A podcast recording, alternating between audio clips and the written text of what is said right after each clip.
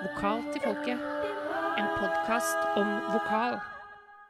Godt nyttår, kjære lyttere. Godt nyttår, Mari. Og hjertelig velkommen til et nytt vokalår. Tusen takk, og i like måte, må jeg jo si. Jo, tusen takk. Da var 2020 endelig over.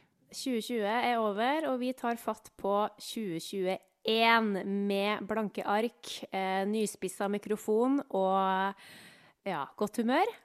Absolutt. Yes. Det blir tidenes år. Eller nå skal ikke jeg jinxe det. Nei, ikke, ikke jinx! Jeg må bare ja, bank ban i bord. banke så Bank hardt i bord. bordet. Ja, Ja, det var ikke lurt. Det var lurt. Det var ikke lurt. Tar det tilbake, tar det tilbake. Ja. Nei, men eh, fra spøk til alvor, vi er klar med en ny episode av Vokal til folket. I dag, Mari, skal det handle om rytmisk musikk. Det skal handle om rytmisk vokal. ja, det var jo på tide. Det var jo det, og vi var jo litt inne på det her for noen episoder tilbake, men da kommer vi vel ganske fort fram til at dette Det går ikke an å bare sveipe innom, vi, må, vi trenger litt mer tid. Ja, vi må det. Og så er det jo ganske ferskt fortsatt, hele den derre rytmiske eh, metodikken, skal vi kalle det. Måten Ja. å liksom jobbe med, jobbe med liksom det, altså den rytmiske musikken. Eller altså det som ikke er klassisk sang, da. Yep. Ja. Vi, vi, må, vi må prate litt om det her, og vi kommer nok ikke til å få svar på alt vi gjerne skulle hatt svar på, men vi skal i hvert fall få prata litt rundt både det ene og det andre.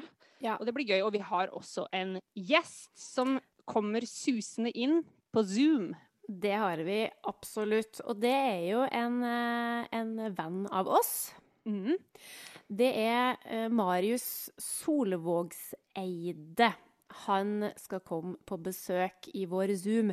Og eh, det er kanskje noen som kjenner til han, spesielt hvis du har sunget i kor. Hvis ikke, så kan jeg jo fortelle at eh, Marius han er sanger, sanglærer, kordirigent og arrangør. Han er utdanna faglærer i rytmisk musikk, sånn som vi har i bunnen av vår eh, fyldige utdannelse. Og han har en mastergrad i utøvende rytmisk musikk. Han har jo arrangert en del kor, eh, altså for kor, da, og har brei kompetanse på korledelse innenfor rytmisk musikk og barnekor. Han er jo veldig opptatt av gehørbasert læring, og det er jo veldig, veldig veldig spennende, syns jeg. Og vi har jo invitert Marius for at han er faglig engasjert, og han er nysgjerrig, og han er liksom stadig på jakt, føler jeg. Etter liksom ny kunnskap og etter å bli eh, likere både som sanger og sangpedagog. Jeg har jo tatt timer med han, eh, og jeg husker første gangen jeg var der, så var det for å liksom få trene meg opp igjen etter en sånn eh, operasjon. Eh, og da tenkte jeg at nå må jeg til noen som har peiling på, eh, på anatomi, for han er ganske stødig der, for å si det sånn. Så han eh, anbefaler å ta timer med han. Så da skal vi bare få han inn, eller? Ja, vi, nå kjører vi. Tøft.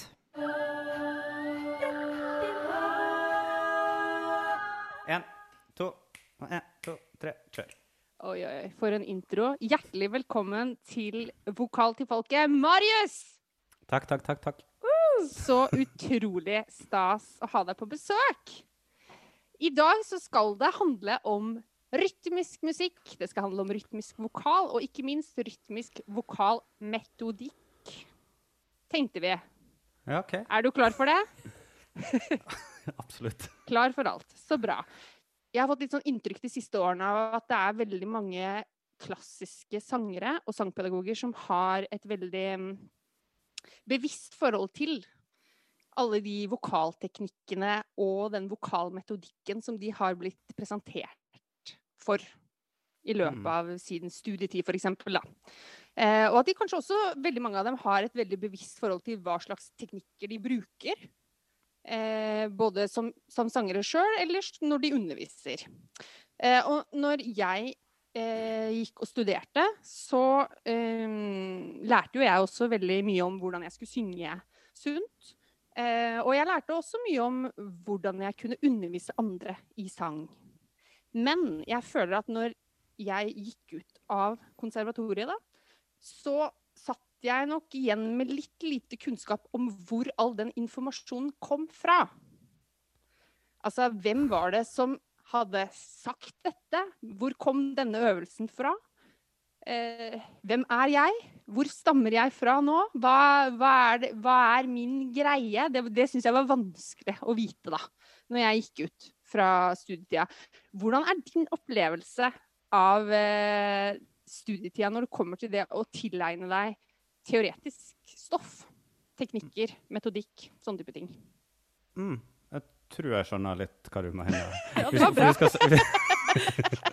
det er litt, li, litt fordi at jeg kjenner deg litt fra før. Ja, det var bra. Uh, men altså, For nå snakker vi bare liksom om lyden.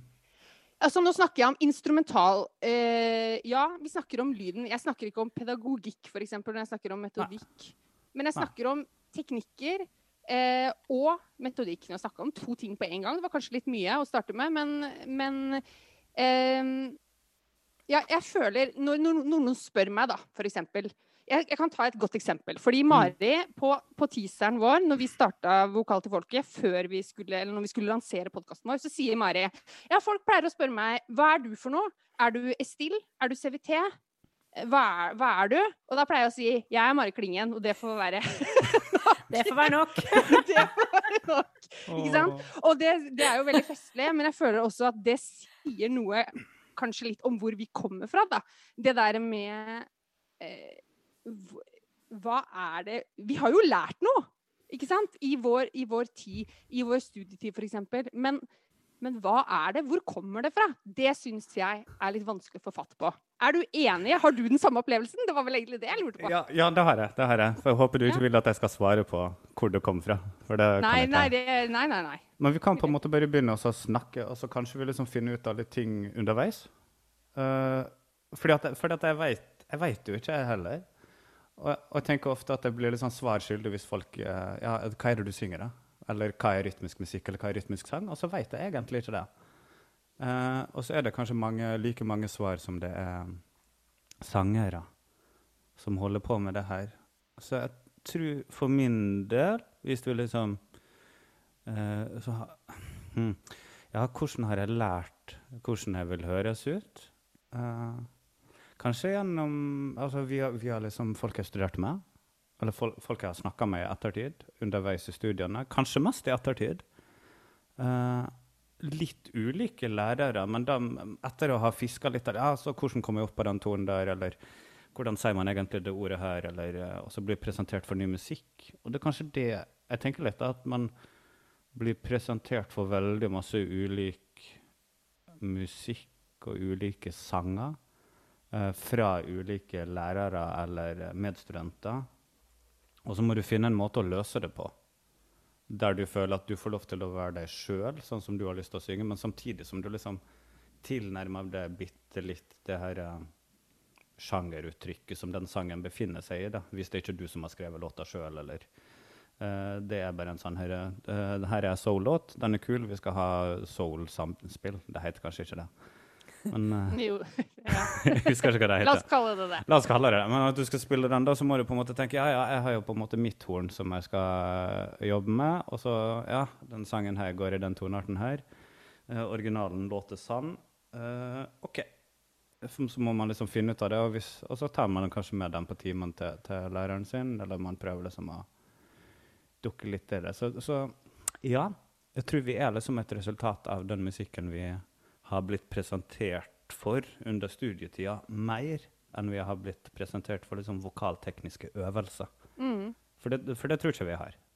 Men når du da tar med den låta, da, som du tenker 'denne vil jeg jobbe med', eller 'denne jeg trenger hjelp', og du, blir du da presentert for en øvelse, er du da interessert i å vite ja, men hvor, hvem er det som har sagt at det er sånn? Eller tenker du at det er irrelevant? Nei, jeg er jo veldig nysgjerrig på å vite det. Jeg vil alltid vite det, men eh, det er ikke sikkert jeg alltid har fått svar på det jeg vil vite, da.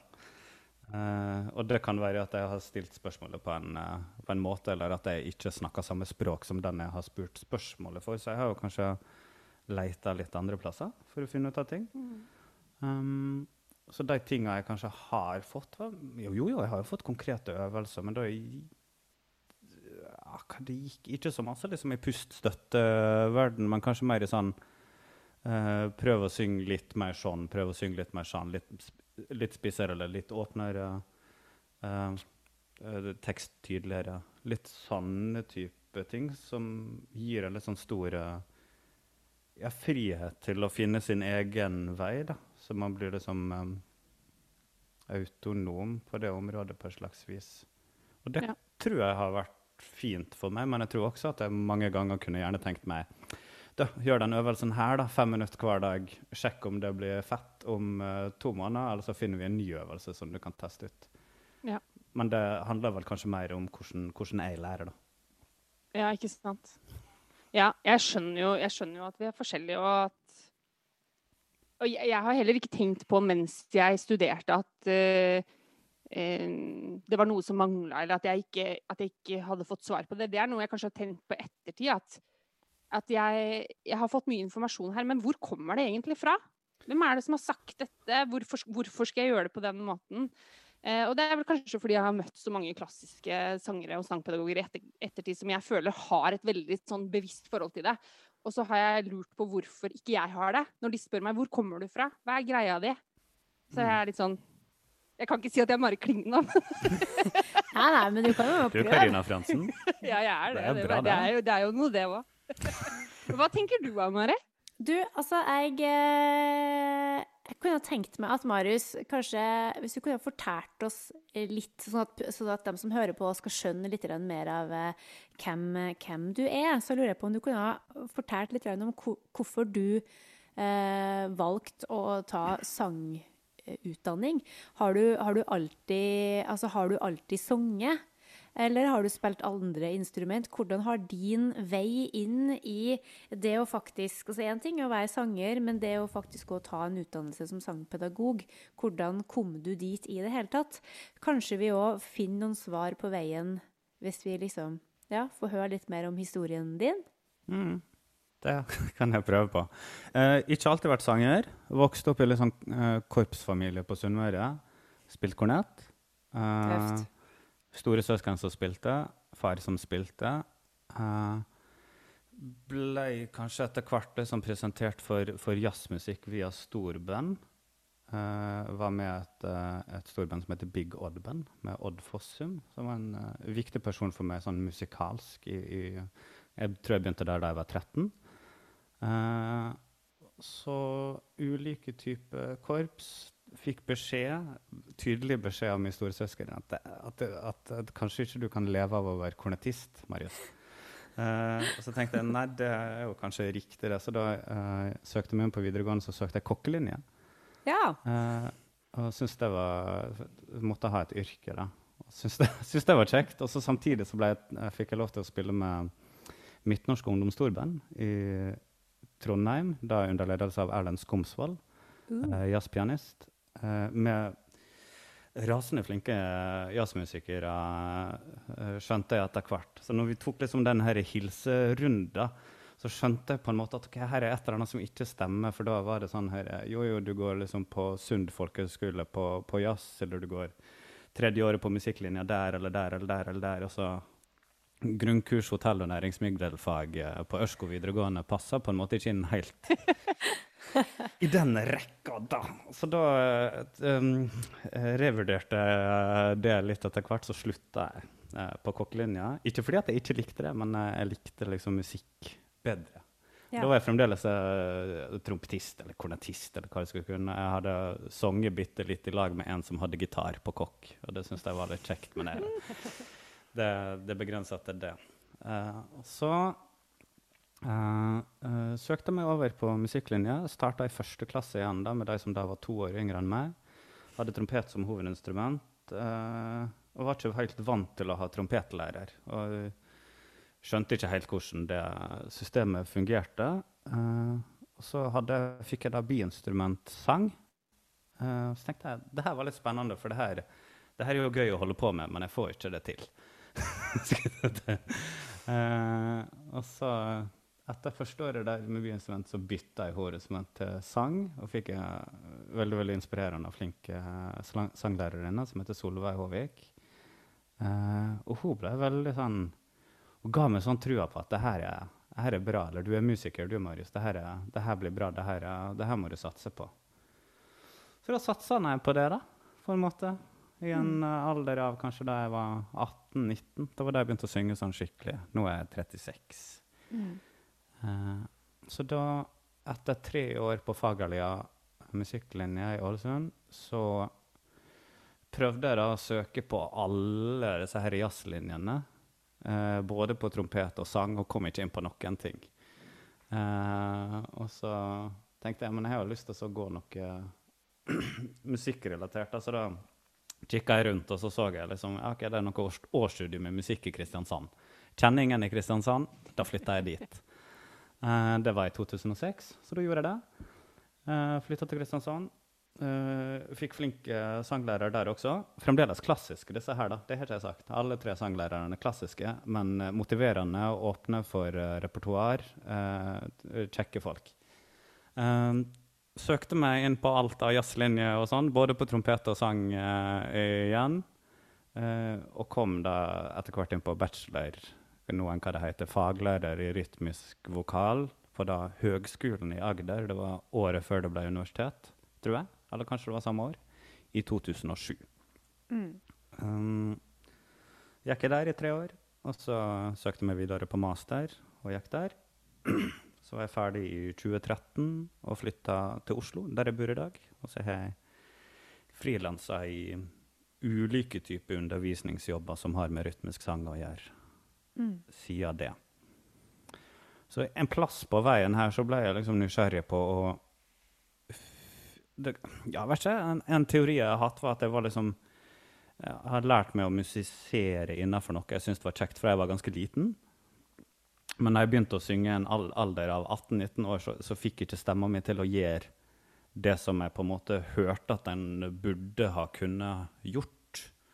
Og så prøvde jeg begynte liksom å lete etter svar med alle sanglærerne mine. Men de, var, de fleste av dem var jo da klassisk i bånn og presenterte løsninger som antageligvis hadde fungert veldig godt i et klassisk repertoar, men som ikke fungerte så godt i alt jeg prøvde å synge på. Så da tok jeg saken i egen hende. og, så og hvordan gjorde du det? Ja, jeg har ikke peiling. Jeg har lest sjukt mye bøker og, og masteroppgave til flinke folk og doktoravhandlinger til flinke folk. Og uh, vært på kurs. Og så har jeg lest en del sånn, sånn uh, logopedisk litteratur. Det som har med liksom stemmevansker og sånne ting. For å liksom prøve å nærme meg den her uh, stemma fra ulike innfallsvinkler da, i håp om at jeg kanskje liksom skal finne noe som bare Yes, nå funker det. Nå får jeg til å gjøre det jeg gjør. Så jeg tror kanskje liksom summen av all den bagasjen jeg har, mm. er, er, der. Så jeg har, har, gått liksom Jeg begynte jo å øve, da, tenker jeg, i 2006. Etter musikklinja. det er jo kanskje um, det, for, det, tar jeg ansvar Jeg tar kritikk det. jeg skulle ha begynt mye før, så jeg begynte å øve da jeg var 21. Um, men jeg har tatt Det er aldri for seint. Nei, det er aldri for seint. Det, det kommer seg altså. Og da satt jeg liksom time etter time med øvelser som jeg fikk av sanglæreren min på musikkårsstudium. Hun ga meg liksom skalaøvelser. Så tenker jeg jeg prøver. så, så, sang jeg skalaøvelser opp og ned og fikk liksom gradvis uh, mer og mer kontroll. For det var det jeg ønska. Jeg ønska å få finne kontrollen på stemma mi. Mm. Få, få, til å synge raske løp, eller få til å synge lyst, eller få til å synge eller kontrollere vibrato eller luftbruk, eller alle disse type tinga her. Og så jobba jeg med liksom I løpet av uh, konservatorieåra så var jeg liksom Jobba kanskje litt sånn periodebasert. da. Jeg vet ikke om det er likt for alle. at en, en, liten periode så er jeg kjempeopptatt av timing, og en liten periode er jeg kjempeopptatt av uh, klang kjempeopptatt av uh, soul, kjempeopptatt av uh, norske viser. Det har ikke, jeg, har ikke vært så opptatt av det, men jeg var kjempeopptatt av Tom Waits en periode.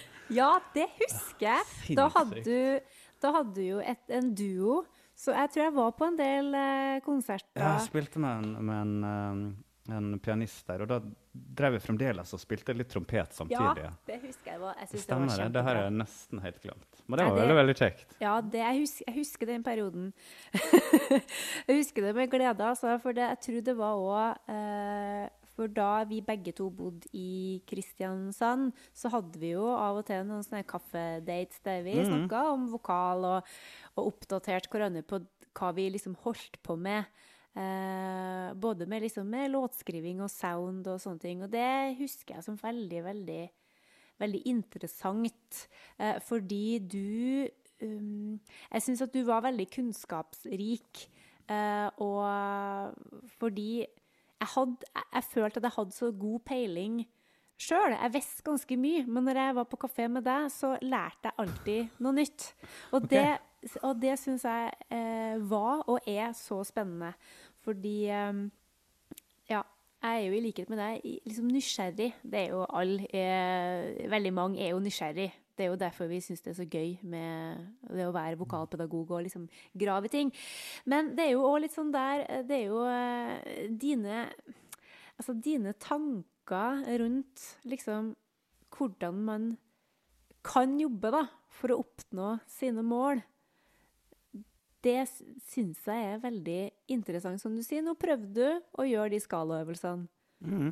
for å få oppnå en kontroll. Og så med fokus på timing, og så er det klang, og så går man de herre rundene. For man kan ikke jobbe med alt samtidig uansett, tenker jeg.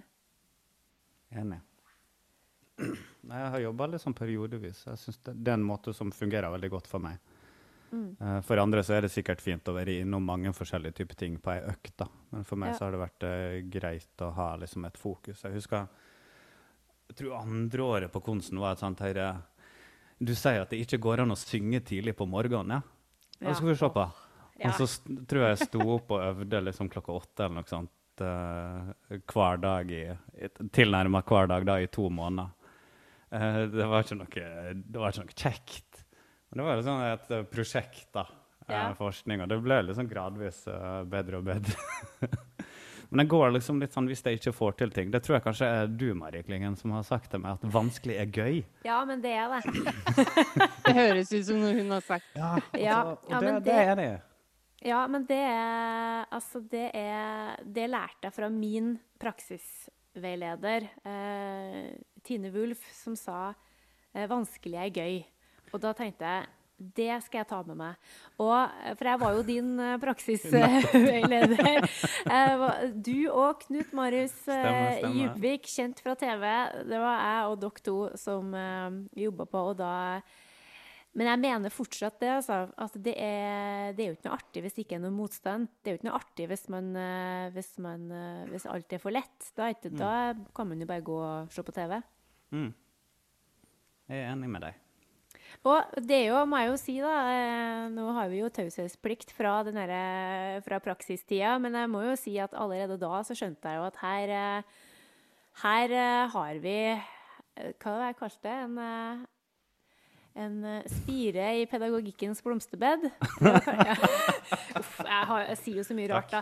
Nei, men eh, for da òg, jeg syns det var veldig festlig. Altså, for når du jobba For det her var jo, vi hadde jo praksis da i kulturskole, ikke sant? Hvor tid det her var, tror du? Nei, det her Ja, når gikk du andre året, da? Eh, 2008, vel- 2008, da. Ja, ja det, du, jeg tror det var siste året jeg bodde i Jeg bodde i Kristiansand. Det, jeg tror det var da, ja. Mm. For da Ikke sant, kulturskole, det er jo uh, unge folk fra 10 til 17, kanskje. Og jeg opplevde jo at du tok Du tok jo alle sammen på alvor. Hvis det kom en tiåring som hadde lyst til å synge den derre åh, Bubbly, hva het det? Den derre Ja, ja, Mhm. Ja. Og du bare Yes! Neste uke hadde du plukka låta, liksom. Og så begynte du å snakke liksom, om det å være bakpå med en sånn tiåring. Og det er jo sånne ting, for det er sånne ting som jeg ville ha tenkt at det må vi vente med. Sånn var min, eh, min tanke da. Mens du liksom bare OK, her er gruven. Kom igjen.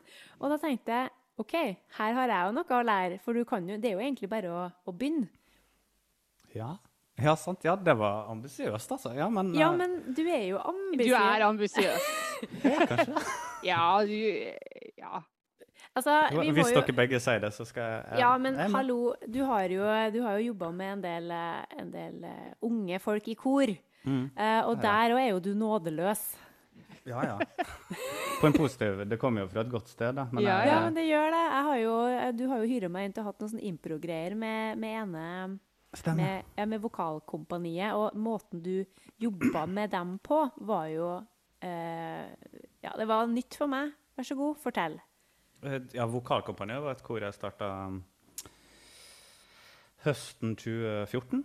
Som var, skulle, skulle være et lite sånn eh, tilbud for litt ekstra nysgjerrige og talentfulle unge sangere. Der jeg tenkte at hvis jeg hadde dem liksom én til én, da, og så var de kjempe, kjempeflinke sånne som sang Whitney Houston da de var 12 og 13 og 14, og, og lærte meg masse om hvordan man kunne jobbe med veldig veldig flinke, eh, sultne sangere. da. Så jeg tenkte at hvis alle disse her bare får lov til å stå ved siden av hverandre og synge to timer til i uka, så blir de bare enda bedre. Så det var det som var liksom tanken.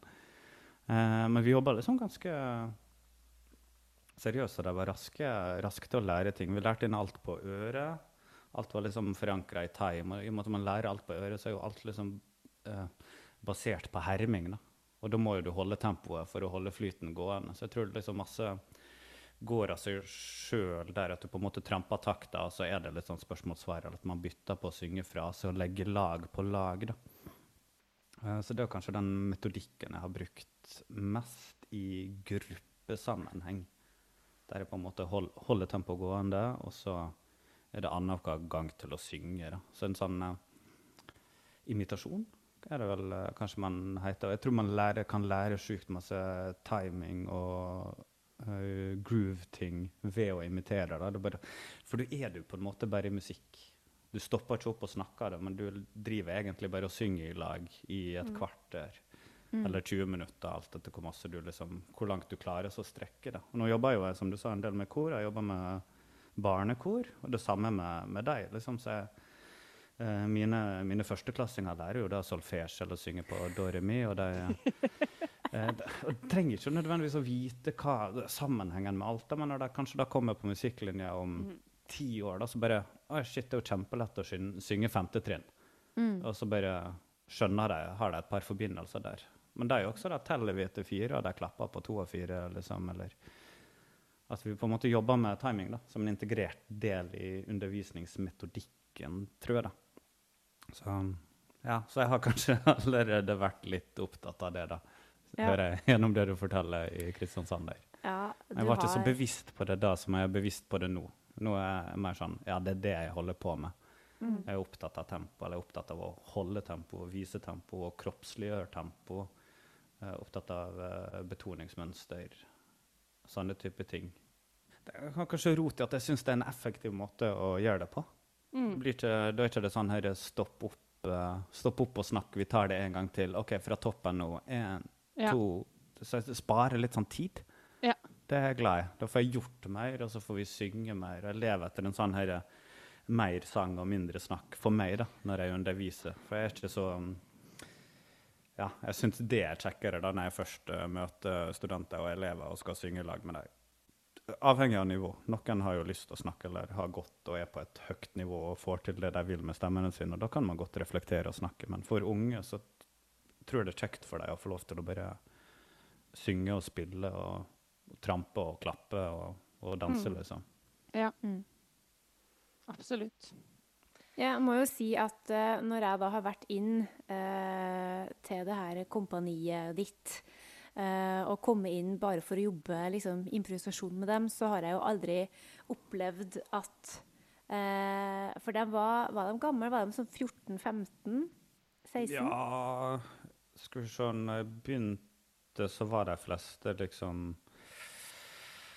Det var fra tolv, altså sjette, sjuende klasse, til liksom niende klasseaktig, da. Og så Ja. ble jo de eldre. Jeg var der Ja. i fire år. Men det for meg, da, å komme inn til en sånn gjeng eh, og, og jobbe fri improvisasjon, der på en måte der, eh, der alt er lov, der det bare handler om å være kreativ og skape musikk i nuet, de kjøpte alt jeg foreslo. Det var aldri snakk om at 'nei, jeg vil ikke'. Og det, eh, det, det har jeg jo òg møtt på, at jeg må, liksom, jeg må bruke lang tid på å få folk til å bli trygge, spesielt musikkstudenter på høyt nivå. De, må liksom bare lirkes i, og så blir det til slutt. Mens den gjengen din, de var, De var liksom selvfølgelig en sammensveisa gjeng, men de var på en måte trygg i musikken. da. Musikk er, det er gøy. Det er noe vi gjør sammen. Det er ikke noe sånn derre Nå må alle sammen bare høre på meg, eller nå skal vi høre på han eller hun. Det, det blir noe organisk. Ja, det, det har de lært seg sjøl, tror jeg. Eller de, den gjengen her, de hadde det, på en Ja. måte. Noe enn hva det er. De hadde på en måte en sånn høyere uh, lydhørhet da, for detaljer. At jeg kunne liksom oppfatte detaljer og så ha, ha lyst til å prøve å gjenskape eh, de detaljene. Men du, Marius. Nå er vi jo inne på, sant, når vi er inne på dette med, med time og groove og sånn. Eh, Jeg og du vi hadde jo en liten kaffe i høst, og da prata vi om rytmisk musikk. Altså Forskjellen på klassisk og rytmisk musikk. Jeg syns det er veldig gøy, for hver gang man begynner å snakke om rytmisk musikk til klassiske musikere, så blir de jo så sure. fordi, fordi, fordi de sier Og det er jo helt, jeg er jo helt enig med dem i det. Det her med eh, at eh, klassisk musikk også har rytme. det er jo Definitivt. riktig. Og jeg forstår jo at de blir litt, kan bli fornærma på det. Men eh, vi snakka litt om akkurat det. Og hva er det egentlig som er forskjellen på klassisk og rytmisk musikk? Og hvorfor heter det rytmisk musikk? Og da begynte du å snakke om dette med det metriske. Og det syns Ja. jeg var så et veldig godt poeng. Husker Ja. du hva du sa? Nei, jeg kan huske liksom sånn vagt hva jeg mener. Jeg er jo liksom helt med på det. At vi skal, vi skal jo ikke liksom ta fra noen eh, muligheten til å bruke ordet og være rytmisk i noen som helst sjanger. Men nå er det da en gang det ordet her som har blitt uh, plassert på vår utdannelse. Ja. Og jeg tror jeg har spurt litt folk i, i eh, før denne samtalen vår her, no, her og nå om hva rytmisk sang er. da. Og det, eh, jeg syns det er så morsomt. Og jeg beskriver det også sånn Ja, men det er ikke det bare liksom alt som ikke er klassisk, da? Ja. Litt sånn høyre uh, lettbeint sagt. Og det, det er jo noe av sannheten. Men jeg tenker jo også at jeg veit ikke hvorfor de har brukt ordet rytmisk, men, men det må jo være fordi at alt det liksom har base i en eller annen slags rytme, da, sånn i utgangspunktet, eller en groove. Eller at det er i hvert fall et veldig veldig tydelig og sterkt element i mesteparten av musikken. Mm. Det betyr ikke at det ikke er låter som er rubato eller helt uh, ute av time, eller som er liksom støybasert. Eller. Det betyr bare at veldig masse av musikken er forankra i rytme. Og det er jo veldig masse også forankra i en slags metrisk timing. Det vil si liksom en metronom eller et klikk. Uh, og alle har liksom en forståelse av hva et beat er, eller hva hva det vil si å være bakpå, eh, eller frampå, eller å tuppe. Det er liksom begrep som alle forholder seg til, og ofte en ting som vi ofte snakker om. Eh, hvis man spiller en ting i studio, f.eks., så er jo den som spiller inn, veldig rask til å påpeke om du, er liksom, eh, om du ikke er der du skal være. Uh, og det er jo litt sånn spennende, for det, det tror ikke jeg klassiske uh, musikere er opptatt av på samme måte. De har noen mer sånn en flytforståelse, og man leker jo med tid der også, at man på en måte skaper framdrift, eller at man jobber med de parametrene der man ikke er mot et, liksom, et klikk som har liksom nøyaktig avstand.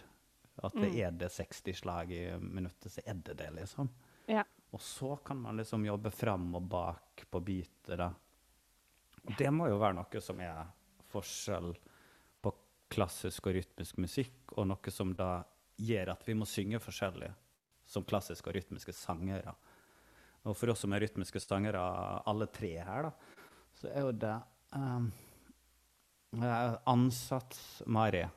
Det har jeg hørt deg snakke om i denne podkasten. Din ansats, eh, ditt ansatsideal, nå må du si fra hvis jeg sier feil, Ja, er på en måte den balanserte ansatsen. Der liksom stem, stemmen kommer samtidig som luften. Ja, eh, ja.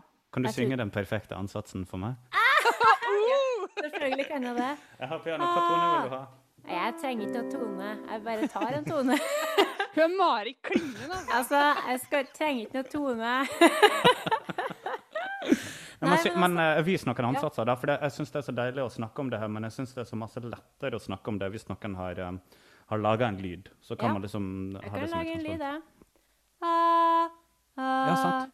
Kan du uh, oh, Og det er liksom en ganske Glade eh, jul, ja, vi elsker dette landet. Eh, skal vi se Kom mai, du skjønne.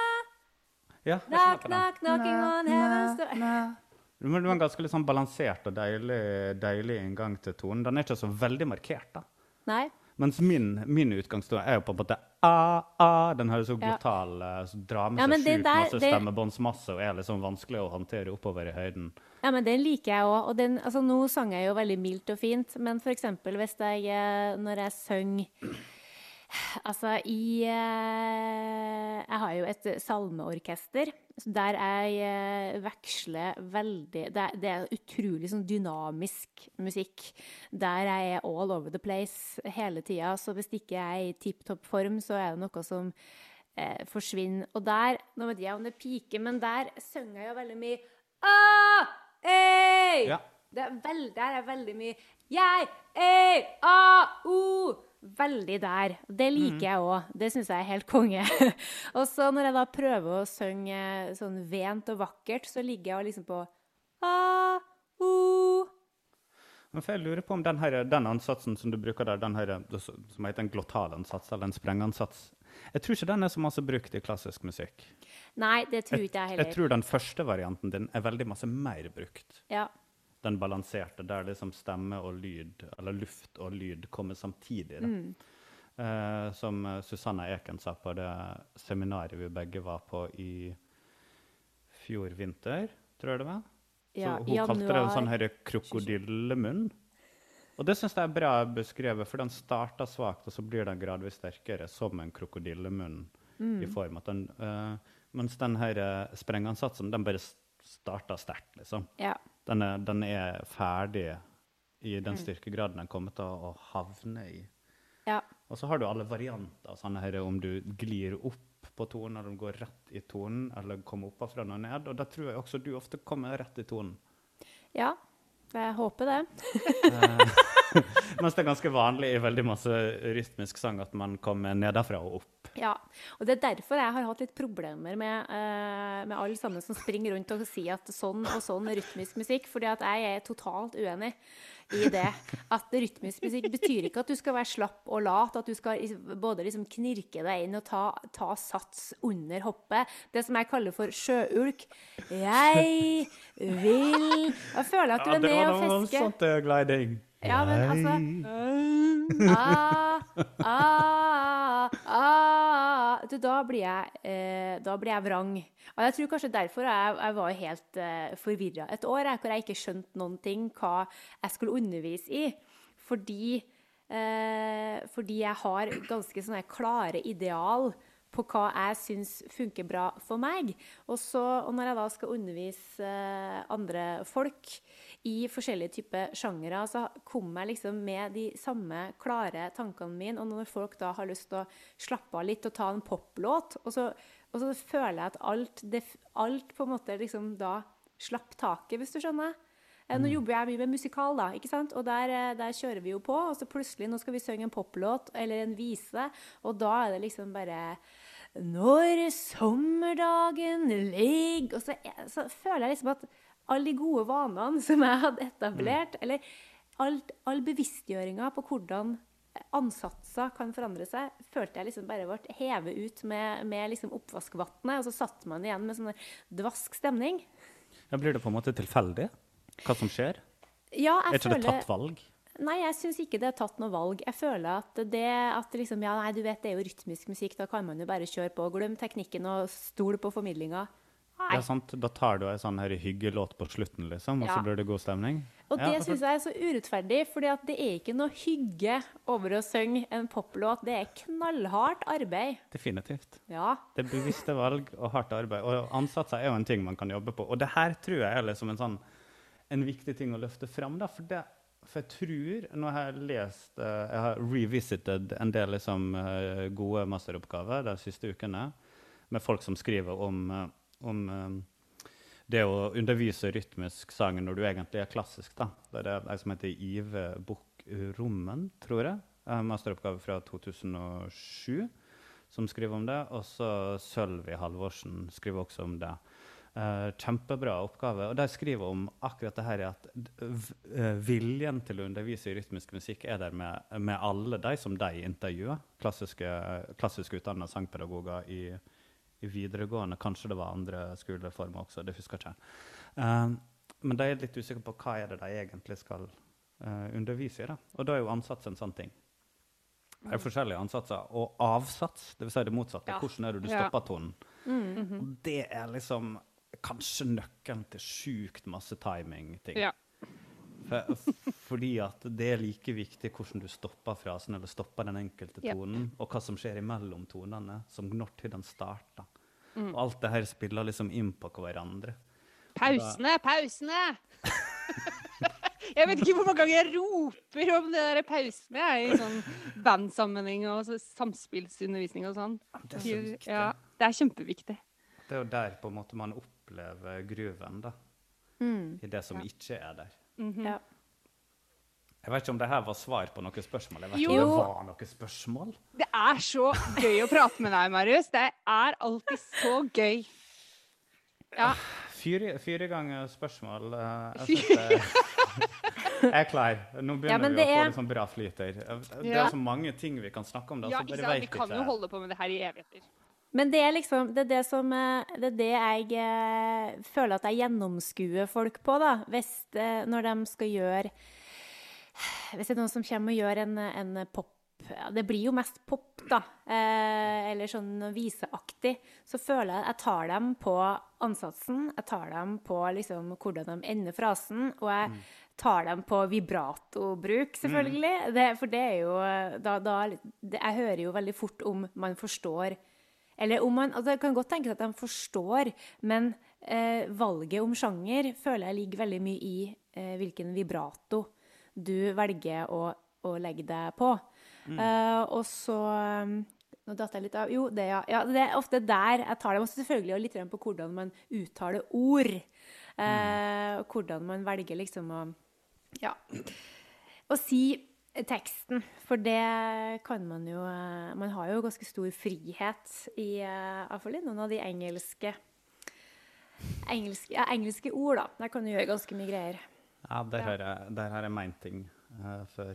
Ja, vær så god. Nei, jeg vet nei, her tror jeg jeg må ha noen spesifikke spørsmål for å i hele tatt klare å uttale meg. For jeg, bare, jeg føler at jeg bare hoppa ut i et gigantisk hav, og så er jeg bare et lite hjørne. Jeg vet ikke hvor jeg skal svømme. Ja, du er vel over gjennomsnittet opptatt av uttale, er du ikke? Bitte litt uh, Nei, men jeg har liksom eh, tenkt masse på det i en periode, uh, når jeg skrev eh, master om det.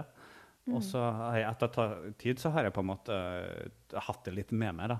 Men jeg har en litt sånn tendens til å høre på hvordan folk synger gjennom uttalen deres. Eller gjennom artikulasjonen, da, som er liksom en stor del av, av uttrykket. Og der tror jeg der er det ganske stor forskjell på hva, hva lyd vi har lyst til å ha da, som rytmiske sangere versus en, en klassisk sanger.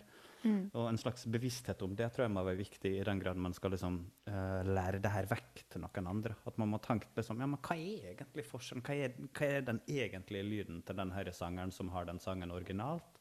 Og hvis det er en originalskrevet sang, hvordan påvirker uttalen uttrykket mitt? da? Ja.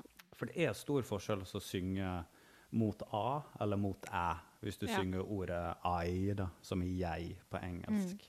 Det gir et veldig, veldig annerledes uttrykk. Eh, og hvor liksom her, Det er jo en sånn her En, eh, en diftongtrend i, i liksom indiemusikk uh, i dag, som uh, sikkert dere har meint noe om uh, begge to, men man har en tendens til å kanskje legge inn en i i ord som touch, touch, Å, her touch. kaster opp. Eh, og, og, det, og, det, og, her må folk bare mene det, blir, vi, det, vi må si, det, blir, i det skjer i hvert fall. ja, det skjer. Uh, og, det, og det er en slags jeg vet ikke hva det heter, men en diftongifisering, kanskje det heter det? Vi lanserer Ja, et nytt, uh, nytt uttrykk her på vokal, vokal i folket i dag. Ja, det er bra. Uh, så at det det kom inn en liten i-lyd der, da, som farga uttalen, og som mange kanskje kan uh, hørt folk, engelske folk uttale det som liksom en slags sånn herre babyprat, eller en sånn barneprat, eller en slags sånn her en litt sånn diffus di dialektgreie. Og det er mange eh, utrolig dyktige sangere som gjør det. Eh, og det smitter jo over og, på de her norske sangerne som vi synger den musikken, altså våre sangelever. Så vi må absolutt eh, forholde oss til det, og vi kan på en måte heller ikke si ikke gjør det. Vi må bare si 'det her skjer'. Eh, sann er ordet egentlig. Forstår jeg ordet? Kødder jeg til noe med teknikken? Ja, kanskje i en del av register, men veldig masse popmusikk ligger jo også i et register der eh, det ikke er liksom spesielt krevende å synge teknisk, så man står ganske fritt med tanke på uttale. Man trenger ikke å forandre uttalen så masse. Mm. Så ja, det er en, en trend. Knirking, en annen trend som jeg vet dere har uh, meninger om. Eh, Jeg, har ikke, blir- jeg knirker i hele veien, så det, det er Mari som er Jeg skal ikke på, på Jeg skal ikke si at jeg For jeg knirker. ja, Altså, det handler ikke Både bevisst og ubevisst. Så. Ja, det handler ikke, og det handler jo egentlig bare om at man skal forstå at ma hva man gjør. Ja. Eh, så folk må nå gjøre hva de vil. Eh, jeg prøver å unngå det. Det passer ikke inn i Det passer veldig sjeldent inn i den musikken jeg driver, og driver og liksom eh, og holder på sånn her. Men, eh, men jeg har jo spilt i eh, Altså, før da jeg var ung, så spilte jeg jo i masse sånne eksperimentelle frijazzopplegg, og da var det jo Da brukte jeg det som en effekt, ikke sant? Så det Så folk eh, står selvfølgelig fritt til å gjøre hva de vil, men det er viktig for meg som eh, sangpedagog å bare gjøre folk oppmerksom på at du gjør det, og du gjør det, og du gjør det. Det er helt konge. Har du tenkt på at når du gjør det, så er du ikke lenger i den sjangeren. Har du, har du gjort A, så er det ikke sikkert at du kan gjøre B hvis du har lyst til at det skal være C.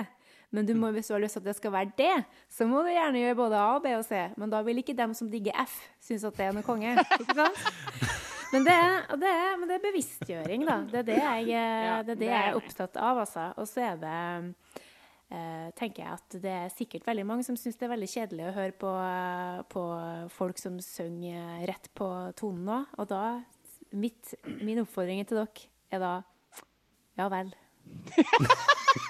Det er greit. Gå og hør på noen andre. Du var innom et, du var innom et nøkkelord der, Marie, som er liksom opptatt av. Det med effekter. Ja. Det, er et, det er jo et uttrykk vi slenger rundt med oss alle sangpedagoger, tror jeg. Ja. Men hva er det vi mener med det? Nå, så, nå merker jeg at det her, det podkasten Det har snudd!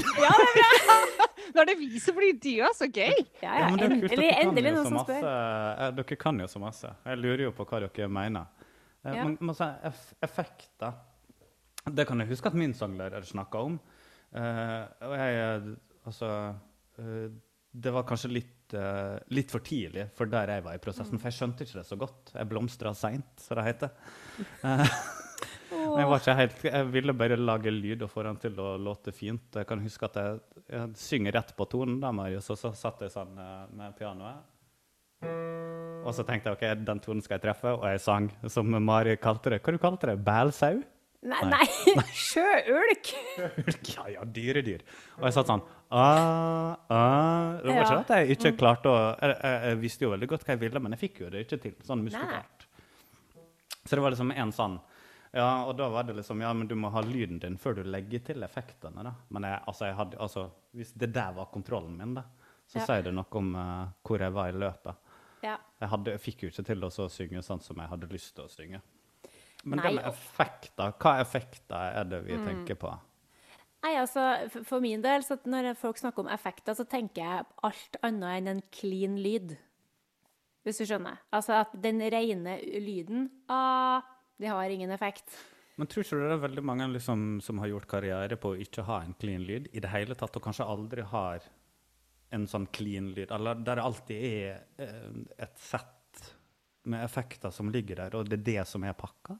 Jo da, men da vil det jo bli deres kline lyd, tenker jeg. Altså utgangspunktet ditt når du Ja, bare din, lager din lyd. default setting, liksom. ja, når du bare lager en eh, Det Hva, føler er jeg er min min hva vi kan default. kalle det? Hva heter det på norsk default setting? Fabrikkinnstillinger Ja. på iPhonen, liksom. Veldig bra. Så når du på en måte bare lager en lyd og har lyst til å synge, så er det din. Og så må du på en Ja. måte kanskje uh, egendefinerte innstillinger, da. Du må Ja. liksom definere innstillingene dine Du må mod modde litt. ja. OK, så den clean-lyden. OK, og så har du effekter som du bruker. Ja, jeg skjønner. Ja, men jeg er med. Eh, der er jeg enig. Helt enig. Jeg tror jeg bruker uttrykket helt likt. Så Men, bra. eh, Men Da er vi enige. alle er enige. Ferdig. Ja. Da er det bare å Oi. Oi! Ja. ja, og så er det jo sikkert altså Jeg tror jo òg det at uh, det er sikkert mange som tenker at uh, hvis man uh, Altså, her kommer vi jo inn i det som er så vanskelig igjen, da. Med at det sitter jo 1000 sangpedagoger liksom i hvert, hver bygd og hver by og, og, og snakker og styrer og ordner. Og så i ene så er, liksom, er det sånn, og så er det sånn. Og for vil da eh, For effekter er det Altså hvis jeg f.eks. gjør sånn her yeah, Har jeg da lagt på en effekt, eller har jeg på en måte Hva har jeg gjort? Hva Nei, du har nå liksom gjort fjeset ditt litt breit, lagt uh, baktunga di litt høy, sunget litt uh, med, med, høy strupe og Ja, men det tar for lang tid å si hvis du har det travelt. Ikke sant? Time 45 minutter, folk har betalt i dyre dommer for å komme ja, og ta en time. Det vil jo ikke funke. Ja, er det en effekt? Hmm. Jeg, jeg, vet ikke, altså. Jeg spør. Nei, men altså, da er det jo Er vibrato en effekt? Er, er luft en effekt? Jeg tror folk bruker uttrykket sånn, ja. Mm. Altså at, altså, så alt ekstra man legger på? på en måte? Ja, og alt, de mest åpenbare effektene er vel kanskje litt sånn distortion og sånne type ting. Ja. Ja. Men det er et eget sett med effekter. Ja. Uh, jeg tenker det som luft er en slags effekt. Må, og twanging er vel også en effekt. Mm. Definitivt.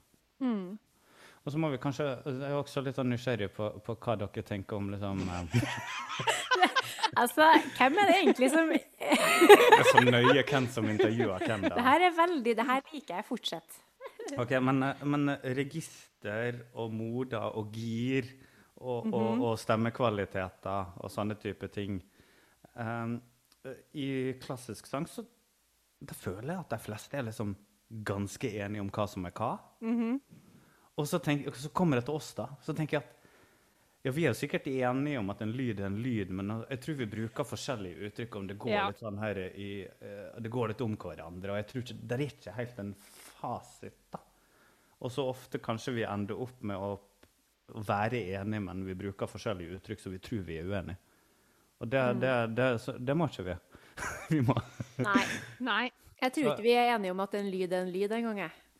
Men kanskje du kommer med fasiten nå, Mari, så har vi det liksom bare klart. altså, det, det, som Ja, altså, jeg skulle gi Altså, hadde det vært opp til meg, så kunne jeg ha kommet med fasiten. Men uh, det er jo Men kom med en variant, da. En, en, nei, eh, altså, jeg kan ikke um, Altså, jeg håper at Jeg håper at alle er enige om at uh, lyd er lyd. Det håper jeg. Og så håper jeg jo at hvis vi nå snakker vi liksom om eh, Nå snakker vi om de uttrykkene som er liksom brystklang, hodeklang, ja. falsett, randregister Ja, jeg, jeg, altså eh, på en måte så Den pakka. Jeg, altså, på en måte så Jeg merker jo det at Jeg merker jo at folk skjønner jo På en måte Hvis jeg sier brystklang og hodeklang til folk som ikke er sangere, så skjønner de ja. hva jeg snakker om. Um, og, og, og, jeg forstår jo òg når folk snakker om at ja, nei, de må synge litt mer og få det litt mer ned i brøstet, så skjønner jeg eh, hva det er snakk om. Men, men jeg, eh, jeg Altså, den derre eh, brøstklangen er kanskje litt sånn Jeg bruker egentlig ikke det ordet, for jeg, fordi jeg syns ikke det Jeg syns ikke det stemmer. Jeg, jeg, jeg, jeg snakker om når jeg, altså jeg kan bare svare for meg selv, når jeg snakker med mine studenter, så snakker jeg om altså Jeg vil at vi skal ta utgangspunkt i snakkestemmen. Mm. Det er den vi jobber med. Og så eh, kan vi da Det er utgangspunktet. Her er vi. Og så drar vi med oss stemmen oppover og nedover. Og så har, kan vi variere eh, hvilken eh, lyd vi vil ha, ved hjelp av twang, luft, uttrykk og plassering. Eh, og jeg skulle veldig gjerne egentlig bare hatt sagt til mine studenter at OK, oh, nå jobber vi her. Ja!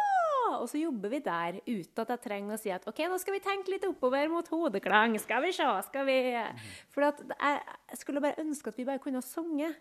Og så kunne vi heller ha herma litt, og det gjør jeg jo med de studentene som er helt ferske så, så, venter jeg veldig med å Jeg vil egentlig ikke begynne å snakke om hva ting skal hete, men så hører de det fra de andre, og så kommer de og lurer på hvorfor ikke de jobber med, med brystklang, og hvorfor ikke de jobber med ulike gir. Mm. Men så gjør vi jo det. Men jeg bruker Jeg må nok si at eh, ofte så eh, For å tydeliggjøre så snakker jeg ofte om snakkestemme, og så snakker jeg om, eh, om eh, operalyd. Og så snakker jeg om miks. Og når de spør hva er miks, så sier jeg nei, da blander vi og knar og legger til og tar ifra, og så får vi det sånn som vi vil. For det er jo det vi gjør, vi sanglærere. Vi, bruker, vi, vi har jo ikke stemmen på utsida, eller instrumentet vårt på utsida, så vi må jo bruke metaforer for å forklare hva som skjer på innsida. Ja. Eh, Og, og veldig masse av undervisningsspråket er jo basert på nettopp det, metaforbruk. Og så er det, er det de her systemene da, som tar sikte på å så prøve å prøve å si noe om de indre prosessene. Og der er det liksom, eh, CVT har jo et ganske um, eh, har, Der heter det GIR, sant? Nå skal jeg passe Ja. på så jeg ikke sier noe feil. Og i Estil så heter det stemmekvalitet. da. Ja. Eh, og det er vel egentlig kun de to som noen gang Nei, det er en eller annen til, men jeg husker ikke hva den heter. Men som har liksom tatt sikte på å beskrive de lydene som forekommer oftest i rytmisk sang. da. Mm. Og det tror jeg også er den grunnen til at klassiske sanglærere som, som uh, i sine læreplaner er krevd om å undervise i en sjanger som de ikke har studert, eller i rytmisk musikk, da, uh, går dit. For der fins det i hvert fall et eller annet. da. Ja. Eh, men så er jo det litt spennende at vi som da er utdanna i rytmisk sang, ikke bruker de begrepene igjen.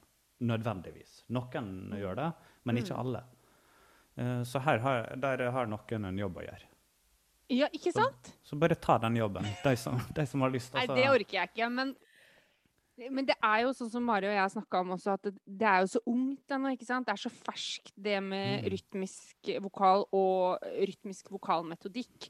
Eh, og selv om det fins metoder og skoler og folk som har forska på det, så er det den felles fellespotten. Og, og folk er uenige i den klassiske verden også. Men, men som du sier, de har kanskje en sånn Jeg føler at de kanskje har én sånn grunnpilar likevel som de på en måte er enige om, mens hos oss er det litt sånn all over the place. Vi driver og finner ut av det, liksom. Vi driver og Ja. ut av det. Jo, vi driver og ordner, vi driver og finner litt ut av det. Ja, men den, den liker jeg. Den kan, vi er i en prosess.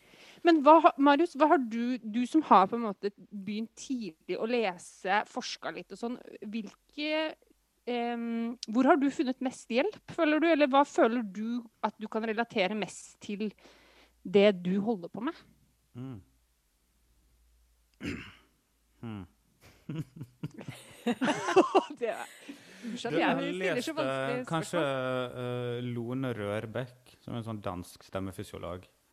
Og hun syns jeg skriver liksom godt om puste, pustesystemet, da. Respirasjonssystem. Det husker jeg lærte masse av når jeg las.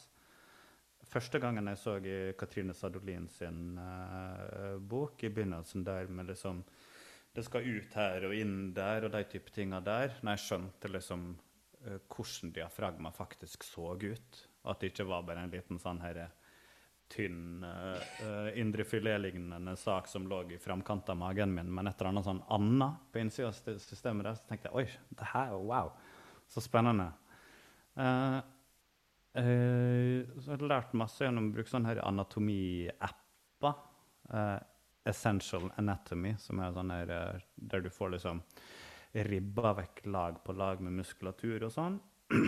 um, jeg var på et um, kurs i Estil i februar eh, Mars 2020. Nei, eller kanskje januar. Jeg husker ikke helt. Januar var det. 2020. Eh, der lærte jeg ganske masse om de her stemmekvalitetene, eller hva stemmebåndene egentlig holder på med mens du lager lyd. Altså hvor stor andel av stemmebåndene er i sving på, hva, på ulike typer lyder. Det var litt nytt for meg. Uh, og så har jeg en eller annen plass lært noe om liksom, musklene inn forbi ribbeina. Men jeg vet ikke helt hvor. Og det har Nei. blitt litt sånn nytt, nyttig for meg at det er liksom tre lag med muskler inn forbi hvert ribbein som heter de interkostale musklene. Du, som, liksom, som har som jobb å flytte ribbeina dine utover når du puster inn. Så ting går ut.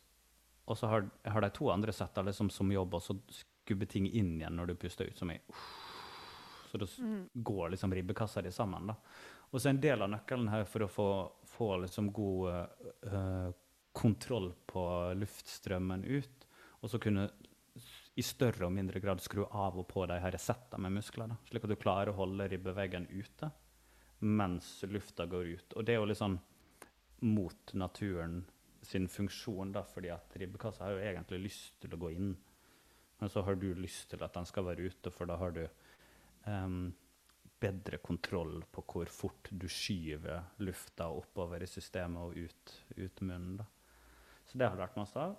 Så jeg har lært Når jeg jobba med, med liksom uttale i min masteroppgave, så var det solid liksom ett, et og et halvt år der jeg las masse om artikulasjon, da, hvor tunga skal være, og hvor kjeven skal være, og hvor leppene skal være for at en lyd skal være sånn og sånn og sånn. Mm. Så jeg har liksom en, en høy bevissthet på de tinga. Det, det, var veldig veldig nyttig for meg. Så når jeg da trente opp øret mitt til å høre de forskjellene i meg sjøl først, så ble jeg også bevisst på å kunne si et eller annet om Mest sannsynlig når den sangeren synger, så står det høres ut som tunga kanskje er sånn.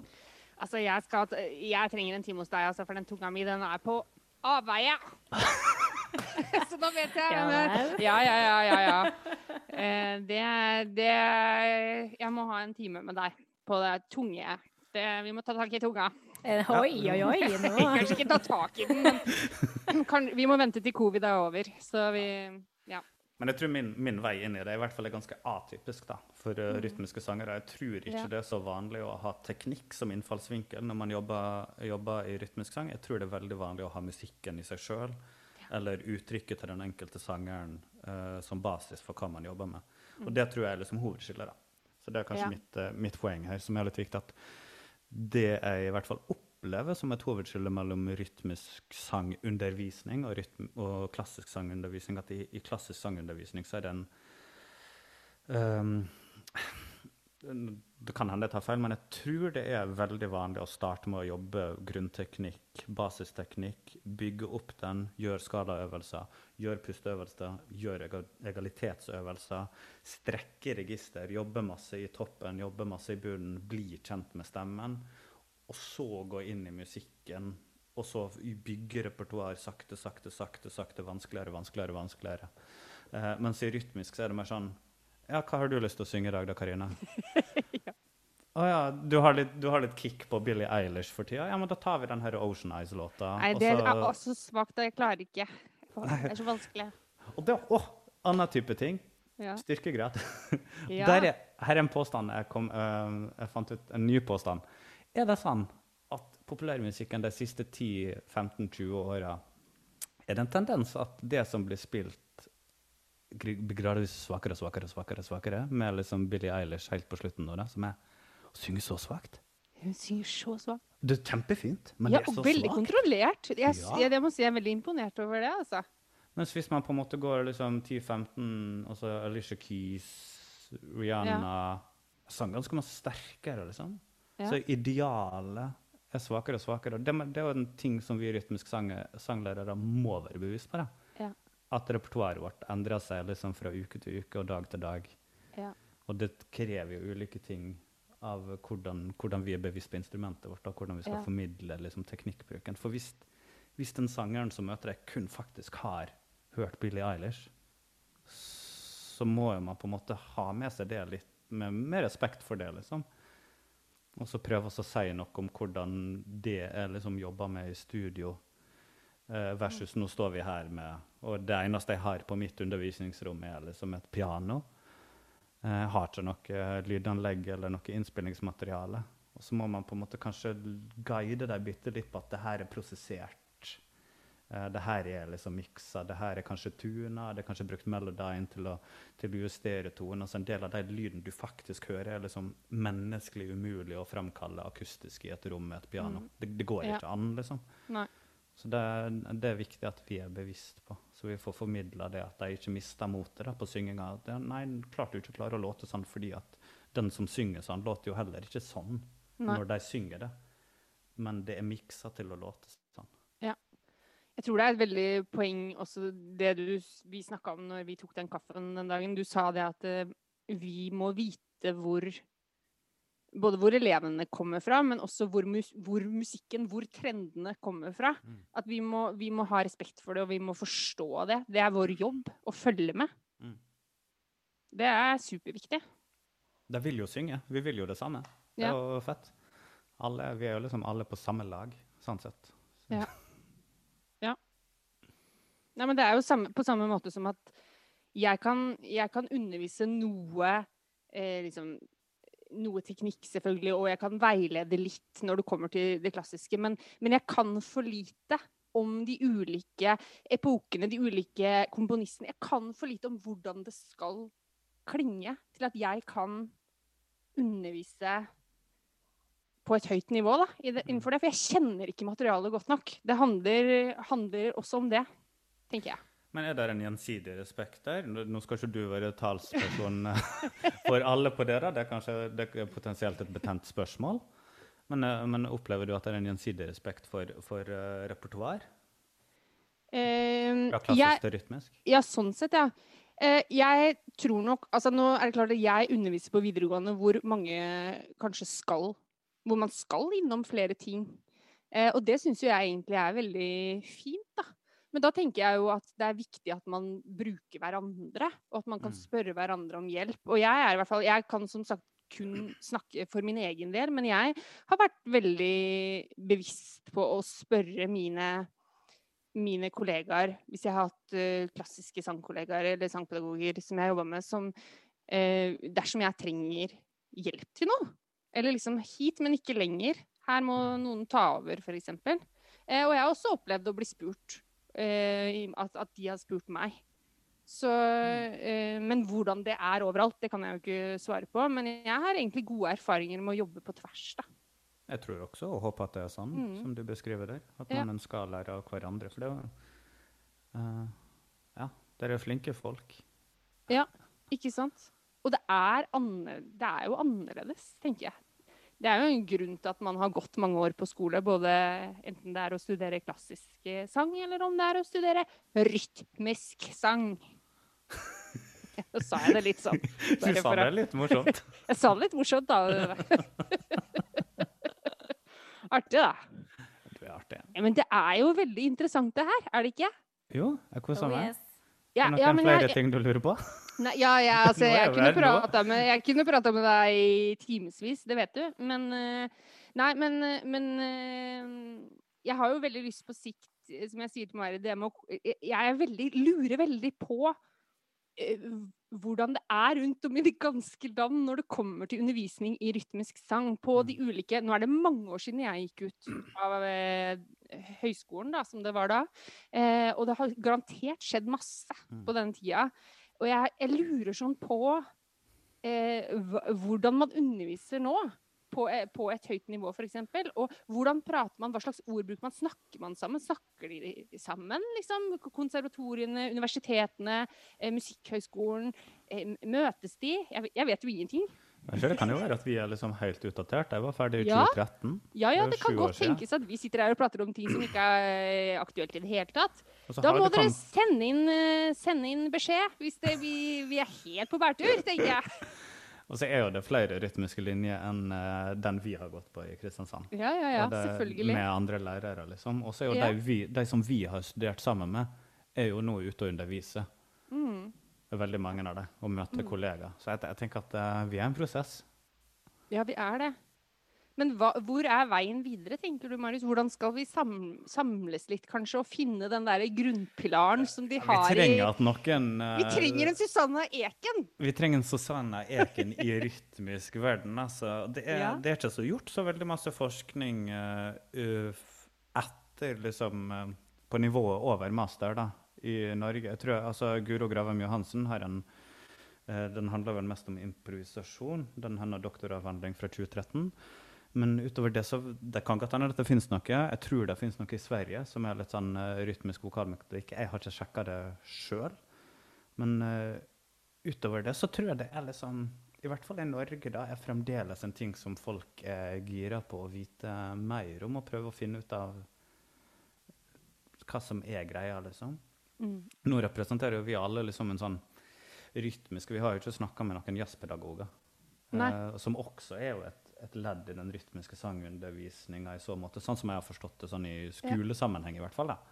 Selv om det representerer noe annet. Så det, det har vært litt sånn spennende å høre hvordan snakker de om, om teknikk. Eller har de også en sånn her, eh, hva låter er du er interessert i, eller hva type musikk skriver du, innfallsvinkel. Altså, vi får bare satse på at uh, det går an å få samla en hel gjeng til ei helg.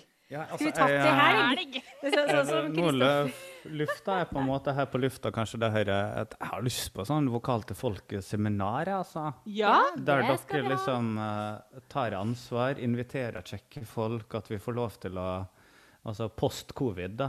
At Ja. vi får lov til å være sammen et sted uh, over noen dager og, og Ja. snakke litt. Det har vært så kjekt. Det tror jeg dere har vært helt perfekt for å lage. Det var jo veldig trivelig eh, sagt, Marius. Vær så god, Marie. Altså, vi har jo eh, Det er jo ikke noe hemmelighet. Eller for dem som begynner å skjønne hvordan jeg og Karina er, så er det kanskje ikke noe hemmelighet at vi skulle jeg veldig gjerne ha gjort noe sånt. Altså. Vi, har jo, vi, drømmer, vi har jo store drømmer og planer om verdensherredømme og alt mulig rart. Um, for vokalen skal fram, vokal til folket. Så for det syns jeg bare altså, så, så Vi har jo snakka mye om det derre vinterakademiet på Voksenåsen i Oslo, da, der eh, legenden Susanne Eken kommer. Og vi, vi skulle ønske at det fantes et lignende akademi der det var fokus på, på da eh, rytmisk og, og jazz. Eh, med en sånn type rytmisk eller jazzlegende. Men vi har ikke helt Vi skjønner ikke helt hvem, hvem denne mentoren skal være. Fordi vi Altså, det fins utrolig mange dyktige sangere i Norge. eh, og det fins veldig, veldig mange gode pedagoger. Så det er ikke det det handler om, men vi prøver liksom å Vi må prøve å finne den derre personen som, eh, som ah, har like mye i bagasjen som Susanne Susanna Eken, fordi hun, hun har på en måte avla fram så utrolig mange dyktige. Og vi er litt ute etter samme liksom, kalibre i rytmisk jazz. Men tror du eh, det- vi finner den personen f før vi dør, holdt jeg på å si? For vi er, det er Det håper jeg. Vi er jo så unge i Men kanskje da. Ja, det er det vi er. Så jeg tenker litt sånn at, det, vi, at kanskje vi må bare starte og begynne med vi, oss som er. Så må vi samle oss, og så må vi, som Marius sier, prate og lære av hverandre. Kanskje det er det som skal til for å samle seg og for å, for å avle fram da, en sånn herre Kanskje det, er du, kanskje det er du som blir den nye Susanna Eken, eh, Marius? Marius Eken. ja, men jeg tror det er sinnssykt mange Altså, jeg tenker jo, Når jeg har hørt på de gjestene dere har her, jeg vil jo egentlig se alle de jobbe med elever. Ja. Ja. Altså, Ja. altså Å ha et uh, arsenal med liksom kjekke folk, eller se Karina og Marile som jobber med, med studenter Vi skal slappe av og drikke Ja. kaffe og med beina på bordet. Men, OK. ok. Men, eh, men altså, men har ikke det vært kjekt, da? Altså, for meg, Jo. Hvis folk som hører på, har lyst til det her, si det her vil vi. Jeg hadde gladelig betalt penger for det her. altså. Ja. Eh, virkelig, liksom. Jeg syns det har vært så kjekt. Enig. Jeg er helt enig. Nå har vi et, eh, et mål pre... Pre? Post, Post. mener jeg. Nå må det ikke komme noen flere virus, det orker ikke jeg. Å, nei, det orker ikke jeg heller. Men eh, nei, det syns det her var veldig, veldig artig, som alltid, Marius, å å- å- nerde litt i, eh, altså, om vokal og metodikk, og hvordan liksom, man har kommet fram til ting, og hva som preger en, liksom. Men du, når jeg først har deg her, den eh, trompetkarrieren din eh, altså, Vil du si at det at du har på en måte, Du starta som blåser har det, Hvordan har overgangen inn i sang vært da? For at eh, en sanger og en blåser er jo på en måte og mye av ja, det altså, samme. vi en måte. bedriver jo luft, på en måte. Vi driver jo sånn flytter på luft. Men uh, i den grad, altså, der, um, altså Lyden blir jo laget en helt annen plass, og lufttrykket er jo helt annerledes. Det har, det har jo overføringsverdi, men for meg eh, I hvert fall for meg, jeg spilte med ganske høyt lufttrykk. Så for meg har det vært vanskelig å kontrollere det. Og der vibrasjonene i, for en trompet starta jo i leppene. Mens eh, for oss så starta det i stemmebånda. Så det er jo et helt annet sted. Så hovedforskjellen for meg har vel vært det som i luftbruk. Fordelen for meg har jo utvilsomt vært at jeg leser noter ganske godt. Mm. Eh, sammenligna med en del andre sangere. Noen sangere leser godt, men som oftest de sangerne som har spilt et instrument i tillegg Ja. fra de var små. Det, der tør jeg kanskje å være litt generaliserende. Um, så sangere er jo ofte liksom um, Mange har jobba veldig veldig bra på intuisjon. Mens, mens i og med at jeg har liksom lært fra noter først, så ble jo veien litt sånn omvendt for meg. Så jeg måtte lære meg å lære gehørbasert da jeg først ble ganske eh, jeg, Altså før jeg begynte på kunsten og sånn. Det var da jeg liksom virkelig begynte å plukke ting kun på øret. Syns det var ganske vanskelig til å begynne med. Uh, Syns fremdeles at det av og til er vanskelig. Um, ja, en annen forskjell, da. Sånn gehørbasert mot notebasert uh, læring. Men jeg tenker at kanskje musikalsk så er jeg heldig som har spilt så masse i en organisert setting, da, fra jeg var ganske liten. Så jeg har fått eh, gjort masse musikk i mange år. Spiller du fortsatt trompet? Sist jeg skulle ta fram uh, hornet for å spille, så var det Det er ganske lenge siden nå. Og da håper jeg å flire meg helt, for det var fremdeles fullt av julepynt. For da hadde jeg spilt liksom blåserykke på en eller annen julekonsertgreier to år før. Oi! Så det er liksom noen intervaller. Og det siste jeg spilte nå Jeg har flytta x antall ganger uten å sette, sette inn i trompetkassa. Så det er ikke, For å svare på spørsmålet, så er det Nei, det er ikke så veldig ofte, altså. Det er sjeldent. Men altså, hvis noen ut der trenger da en sanger eh, som må beherske kornett og trompet Så gi Ring. meg liksom fire måneder til å øve opp ambisen, så stiller jeg. Ja, vær ute i god tid. Ja. Det er veldig bra. Nei, det her har vært helt uh, strålende, sa Marius. Trivelig. Det er så mye vi kunne snakka med deg om, for du driver med så mye som er gøy og spennende. Men nå valgte vi å innkalle deg til, eh, til dette lille møtet. Og så, et fint møte. så kan det jo tenkes at du dukker opp igjen ved en senere anledning. Det, Ja, for nå har vi jo klart oss å snakke veldig, veldig breit, syns jeg. ja, ja. At vi har ikke vært så veldig smale. Nei, jeg syns vi har fått vært innom eh, flere ting, men vi har holdt oss likevel til tematikken, føler jeg. Ja. Og så har vi blitt enige om at eh, vi skal møtes eh, post covid og Mm. til seminar. Det blir gøy. Det Det blir blir gøy. veldig gøy. Jeg har eh, ett siste spørsmål til Mm. deg, Marius. Er du klar for det? Veldig. Har, kan du ehm, eh, Nå skal du få lov til å så tipse Vokal til folkets uh, lyttere om en vokalist eller to som du syns at folk bør høre. Mm. Hvem er det du uh, har lyst til å trekke fram? Ja. From the top of your head. Oh, Kanskje burde det være liksom Nei. Det kan mm. være hva som helst. Nei, altså, men det er bare mine personlige preferanser. Jeg syns alle må høre på Donny Hathaway. Mm. Uh, en, altså en soul-sanger, 70-tallet. Uh, fantastisk lyd. Fantastisk musisering. Spiller kjempefint på Wurlitzer og skriver supre låter med supre arrangement. Fantastisk dyktig musiker som jeg har likt Uh, eh, siden jeg ble kjent med han uh, da, da jeg gikk på Konsten, skulle jeg si. Ble presentert for han. uh, så det, det er en bra sanger. Uh, kanskje Burde jeg nesten ha ei dame, da? For å ha liksom balanse i, i det. Nei, du må jo bli liksom Karina Fransen og Mari Kringen, da. Altså, det, Nei, det blir for lett. Ja, det blir for lett. Det blir for lett. Det blir for lett. Det er ikke gøy, vanskelig og gøy. Yes. Um, også så- sånne som kan synge sånn, sånne insane ting. Du bestemmer. Hva, hva Det kan være bare fint. Clean, vanlig lyd uten effekter, f.eks. Mm, da er jeg glad i Regina Spektor. Som er litt med, representerer en annen, annen verden. Syns hun synger utrolig fint. Skriver fine låter. Trekker gjerne frem låt, låtskrivere hvis jeg skal velge sangere.